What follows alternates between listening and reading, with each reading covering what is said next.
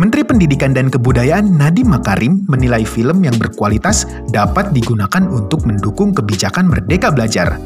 Hal tersebut disampaikan Nadiem saat melantik 17 anggota Lembaga Sensor Film atau LSF pada hari Jumat 8 Mei tahun 2020.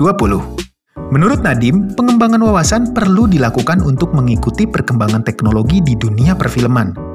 Pelantikan anggota LSF ini dilaksanakan melalui telekonferensi dengan memperhatikan protokol kesehatan yang telah ditetapkan pemerintah di masa pandemi coronavirus disease atau COVID-19.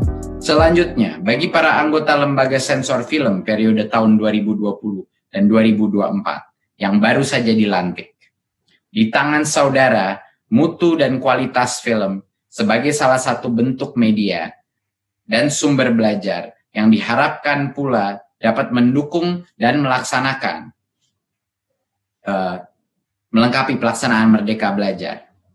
Kami sangat mengharapkan agar saudara tidak hanya memperkuat integritas dalam melaksanakan tugas, namun juga wawasan dan cara pandang yang out of the box, mengimbangi perkembangan teknologi dan konten di dunia perfilman untuk mendukung kemajuan pendidikan dan kebudayaan di Indonesia.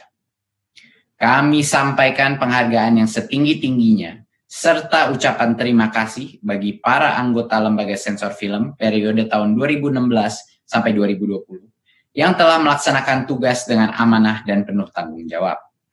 Kami berharap saudara semua tetap semangat berkarya untuk kemajuan bangsa, khususnya kemajuan perfilman di Indonesia.